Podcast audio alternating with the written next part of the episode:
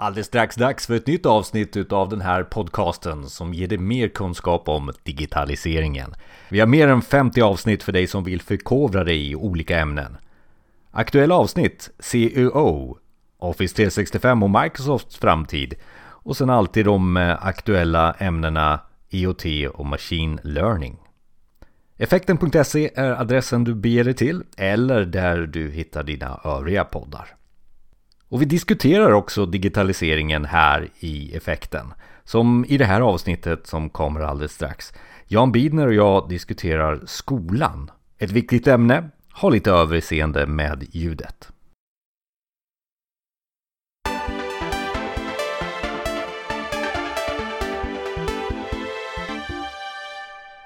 Välkommen till Effekten, det här vi eh, optimerar arbetet med digitaliseringen. Och eh, det här med digitaliseringen av skolan är någonting vi ska samtala om. Janne Bidner är välkommen. Tack så mycket Jonas.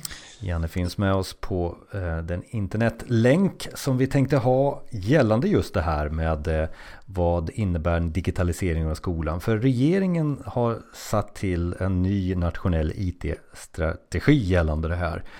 Där man pratar om att man vill ha mer kunskap om eh, källkritik till de som studerar i grundskolan. Man vill också öka läskunnigheten av digitala texter och man vill sätta programmering på eh, schemat under hösten 2018. Så det här är de nationella eh, tankarna om digitalisering av skolan rent konkret sådär. Eh, Janne, eh, vad, vad, är dina tankar eh, digitaliseringen av skolan? Ja, digitalisering som sådant är också, om vi ska bli lite, börja med att bli lite filosofiska eh, på, på ett ganska konkret sätt då, så, så tänker jag att man kan ju börja med att fråga sig vad är digitalisering? Eh, eller vad är det vi ska digitalisera? Hänger du med mig? Ja, ja men eh, självklart är det så. Men det, det är väldigt filosofi. Är det, är det inte så att vi bara ska utveckla skolan? Ja, men vad är skolan då? För vi har ju dels har vi ju klassrummet. Och sen har vi ju läromedlen eller själva lärandet. Och sen har vi ju beteenden. Alla de här sakerna kan man ju prata om både liksom ur ett digitalt perspektiv och ett fysiskt perspektiv. Och idag är gränserna ju mellan den fysiska verkligheten och den virtuella verkligheten är ganska flytande. Det är ganska enkelt att prata digitala läromedel. Eller hur? Ja, ska... Eh, och det är väl också där regeringen känner att alltså, man börjar bli bortsprungen utav eleverna också. Eh, mm. Så då måste vi springa framåt på något sätt. Eh, utan att kanske se kärnproblemet. Är det det du är ute efter här? Ja, lite så. Vi har ju ett samhälle som, som kanske inte riktigt synkar med skolan i alla avseenden. Eller alla skolor i alla fall. Eh, där, som du säger då, ungdomar har kanske mer kompetens än lärare i vissa fall. Och då är det ju om själva hantverket. Då. Vi har, vi har 12-åringar som bygger egna appar för att hjälpa dem med skolarbetet till exempel. finns det exempel på. Eh, och där har vi ju ett litet glapp. Men sen är det ju också det här eh, om, om vi pratar liksom spelappar och hela den digitala läromedelsindustrin. Så jag menar eh, en CD-ROM-skiva, en multimedia CD-ROM-skiva som var eh, top of the line 95 är ju inte det längre och utvecklingen går ju ganska snabbt. Så att försöka liksom fånga någon, någon, någon form av just nu när det gäller digitala läromedel kommer alltid att vara chanslöst tror jag. Så därför så tror jag att det är viktigare att prata om, om sådana här saker som klassrummet och beteenden. Alltså vad är det för digitala beteenden vi har idag och, och hur ska det synka i klassrummet? Är det, är det, tänker du att man ska eh, det är ju inte spel vi ska kanske utnyttja dagen, eh, den digitala plattformen till. Men, men spelifiering eller gamification som vi pratar om väldigt mycket också. Är det där mm. du ser mer av i klassrummet och bland de digitala plattformarna? Är det lite där du är ute efter? Eh, ja och nej. Därför att spelifiering då, det handlar ju inte om spel. Utan det handlar om tydliga regler. Eh, det handlar om tydliga mål och det handlar om feedback och det handlar om sammanhanget.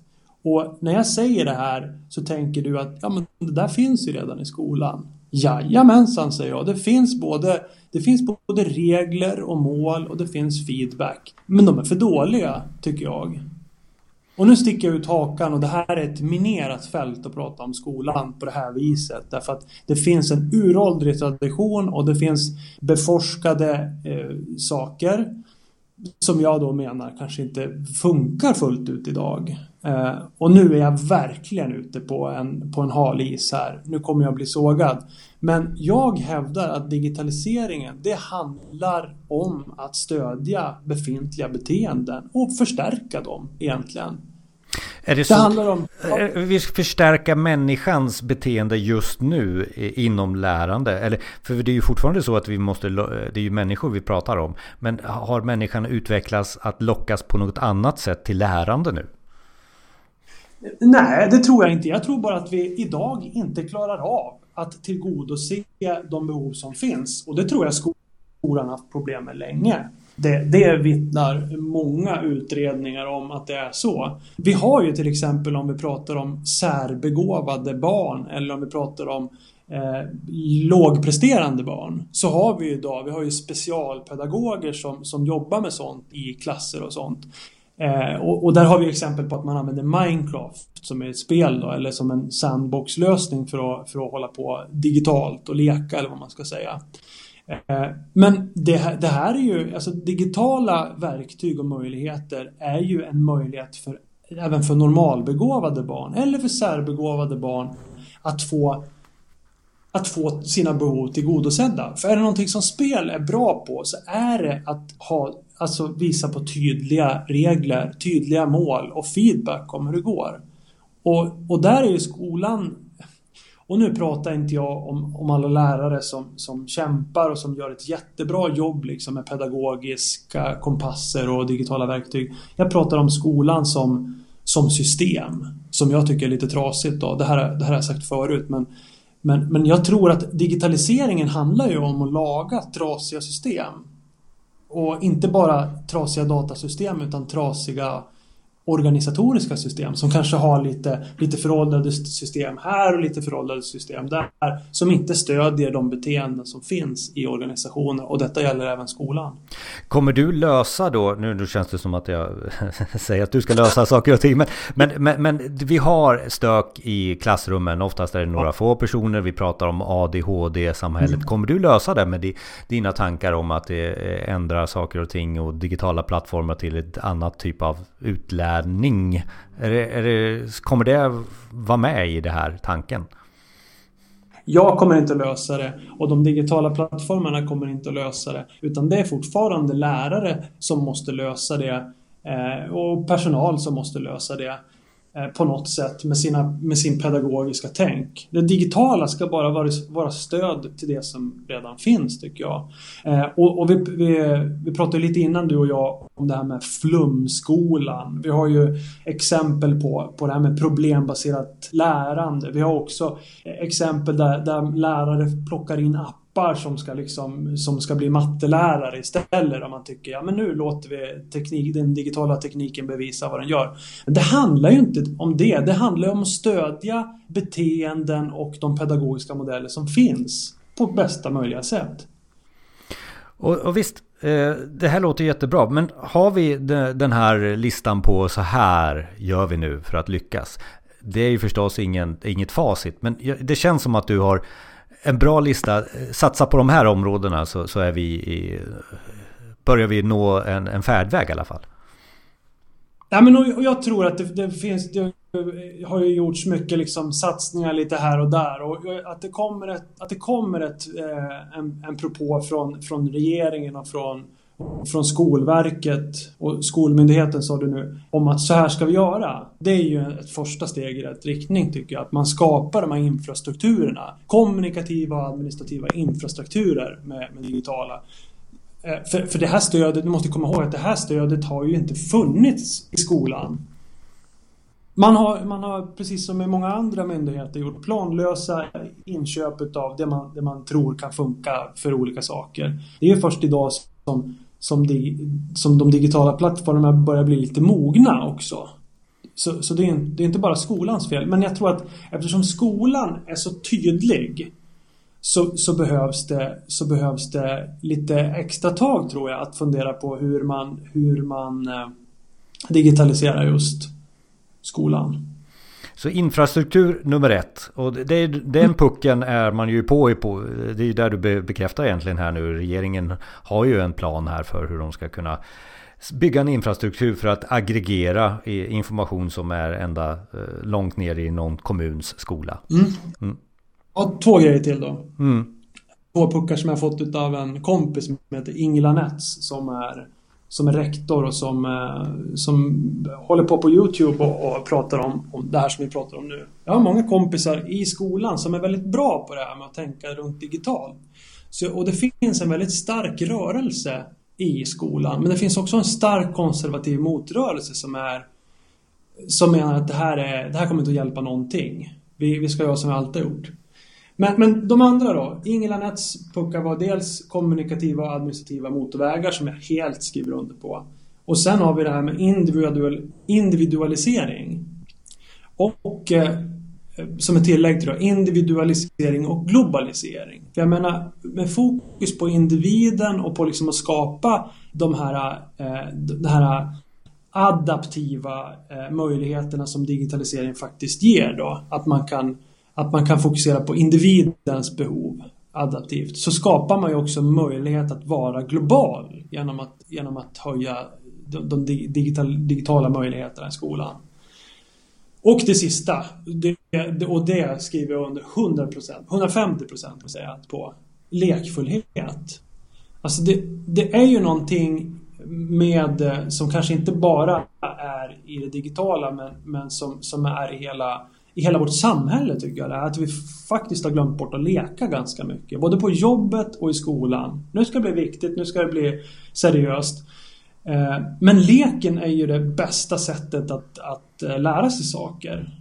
Och, och, det är ju lite därför som jag är inne på det här med, med spel då. Nu, nu, vill jag skilja på spel och spelifiering. Jag vet inte om det blir rörigt men, men spel, lek och sätt att lära sig på eh, det kan man ju också stödja med, med, digitalt och där kan man ju även få lite data att använda så att leken faktiskt blir riktigt liksom nyttig. Och, och egentligen det tredje här, lekfullheten, det är ju det som är det nya. Alltså där innefattar det ju också den digitala plattformen som du pratar om i mm. klassrummet. Mm. Det inkluderar också ett ny typ av, av, av lärande, utlärande. Mm. Eh, eh, och, och, och, det är väl här kanske många ser digitaliseringen idag. Alltså eh, man har reflexmässigt köpt en iPad och trott att nu är det roligt. Nu, nu mm. ska vi lära oss bättre. Eh, och, och, det är den här tredje punkten som egentligen du eh, kan ge väldigt mycket input till för, för att locka fram en ny typ av pedagogik digitalt.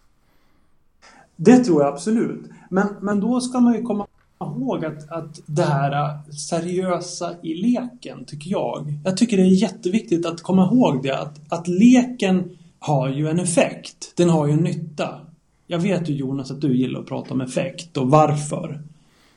Vilket varför är det? Det, det, handlar inte bara om att leka lite planlöst sådär eller, eller, spela Candy Crush utan att man har en plan med det. Vad, vad, I vilka ämnen ska man spela Candy Crush då? Nu tycker inte jag kanske att man ska spela just Candy Crush. För det är ju ett gift. Men, men det finns ju andra typer utav eh, interaktiva spel eller lekar för den delen. Det behöver inte vara digitalt när det gäller lekfullhet men, men digitalt gör väl det spårbart på ett sätt och, och att man kan jobba med dataanalys på, på ett annat sätt. Liksom. Och att man, att man kan bygga plattformar runt det. För för det är ju också det här med den fysiska platsen och den virtuella platsen som jag tycker är superduper intressant. Alltså, är det viktigt att göra den här skillnaden som, som vi har gjort i, i våran generation och de ännu äldre generationerna, att skilja så hårt mellan det? En intressant fråga här som jag funderar på som, som eh, mycket utav de som lär sig idag i, i skolan lär sig utav att titta på YouTube-klipp. Är det fel i, i, i det här sammanhanget? Nej, det, det, tycker jag inte. Sen tycker jag inte att, att man ska låta, bara för att vara superkonkret, så tycker jag inte att man ska låta klassen sitta och kolla på valfria YouTube-klipp under en lektion. Utan det är fortfarande är den pedagogiska kompassen. Men istället för att ge en läxa om hur, eh, hur, eh, hur man ska räkna ut kastparablar så kanske man kan låta folk eh, att forska vidare genom att, att eh, leta på Youtube. Och där kanske man behöver hjälp i vissa fall. Och ibland kanske man behöver hjälp med källkritiken och ibland kan man behöva hjälp med liksom kvalitetssortering och sånt. Och där tror jag att vi kan hjälpa till med digitala verktyg och med plattformar och sånt där. Men jag tror inte att vi ska försöka liksom eh, jag, jag, tror inte att vi ska liksom systematisera det superindividualiserade i klassrummet. För klassrummet tror jag har en alldeles egen funktion i det här sammanhanget. Eh, att, att vara ett socialt sammanhang. Vi, behöver, vi kommer fortfarande i framtiden att behöva träffa människor på riktigt. Vi kommer att behöva ingå i grupper och, och vi kommer att behöva förhålla oss till sociala normer. Så jag tror klassrummet och eh, det fysiska mötet kommer ju aldrig att försvinna och ersättas av digitala skolor. Ja, eh, av nöd kanske det blir så ibland för att någon bor ensam på Svalbard med sina föräldrar. Och då är det ju bra att den möjligheten finns. Men vi människor är ju sociala varelser och vill ju träffas. Och det behöver ju inte, det behöver inte utesluta att man är, fortsätter att vara eh, social digitalt och virtuellt men, men, men platsen får nog en betydelse. Och, och där kanske man funderar på hur ser klassrumsundervisningen ut? Det kanske inte är katederundervisning som är jätteviktigt att ha i, i, i klassrummet utan det är kanske mer modererade diskussioner och, eh, och följa den pedagogiska kartan lite och kanske diskutera saker som man, som man tittar på tillsammans, som man spelar och gör och så. Det finns många idéer här men vi, vi, vi, kommer inte komma fram till att vi sitter alla med eh, videokonferens eh, i, i klassrummet eller sitter hemma och har ett virtuellt klassrum. Det är inte det, det tror du inte på? Nej, det, det, jag tror inte att det kommer ersätta någonting. Jag tror att det kommer att kunna vara ett bra komplement ju bättre det blir. Men jag menar, både du och jag har ju suttit i videokonferenser i, i 15 år och det är fortfarande inte i närheten av att träffas på riktigt. Det vi har pratat om är tre punkter egentligen som handlar om eh, digitaliseringen av skolan enligt den diskussionen vi har här då. Det handlar om den här infrastrukturen, den digitala infrastrukturen, den som regeringen lite på, den pucken är de på. Eh, så kan man väl sammanfatta den första punkten där.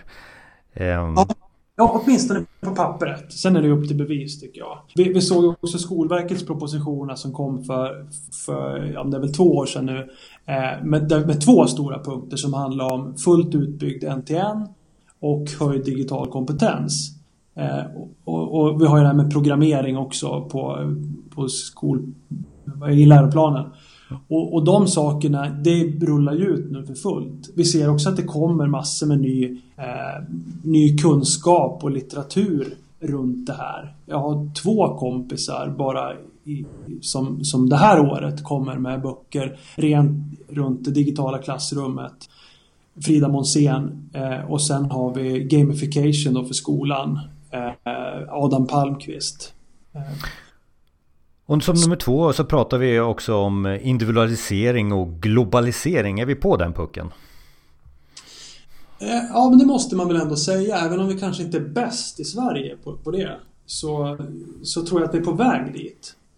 Eh, och jag vet inte vad det är liksom. Jag tror att Sverige har någon sorts liksom bäst i klassen-känsla och att man, att man har varit lite försiktig just när det gäller digitalisering. Men nu är vi omsprungna utav, utav Finland och jag tror vi är omsprungna utav Danmark när det gäller digitaliseringen också. För de är också långt framme i tänket runt, runt digitala.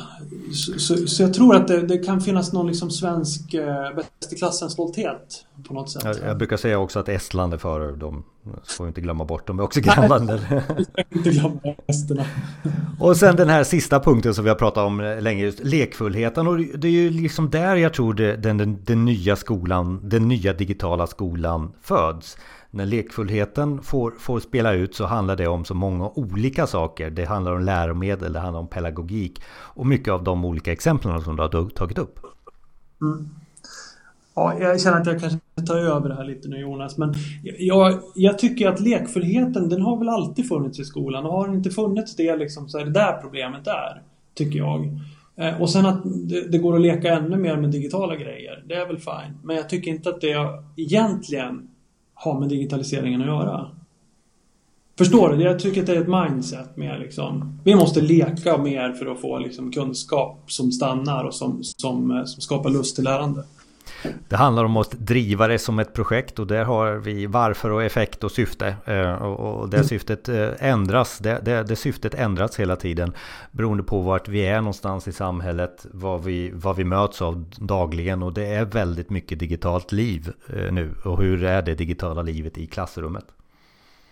Mm. Håller med. Det är jätteintressanta diskussioner. Jag hoppas att du kan fortsätta med de här diskussionerna på effekten.se. Vi kommer lägga in lite länkar av där du nämnde några böcker här som du nämnde och, och eh, den här listan som vi har diskuterat. Är det något så här på slutet här Janne som du känner att du vill trycka på? Ja, jag har ju en till kompis då som är rektor på Ådalsskolan i Kramfors som håller ju på att kämpar jag kämpar brallorna av sig för att få till det här med digitaliseringen i skolan och är ute och pratar om det. Han jobbar nu med att få till en nationell plattform runt, runt engagemang. Det, det är ju inga konstigheter egentligen det vi pratar om utan det handlar om att bara skapa ökade kommunikativa administrativa infrastrukturer för IT och digitalt i skolan. Eh, jag tror, att, jag tror att om ni är intresserade av den här frågan så följ honom läs böckerna som, jag, som vi kommer lägga länkar till också för att det, det, vi, måste, vi måste börja både fundera på hur vi stödjer våra beteenden digitalt på ett bra sätt och vi måste börja leka mer. Det är väl mina fem centra. Tack så mycket Jan Bidner. Eh, allting finns på effekten.se i form av länkar och kontaktmaterial. Ha det så bra. Hej! Hej!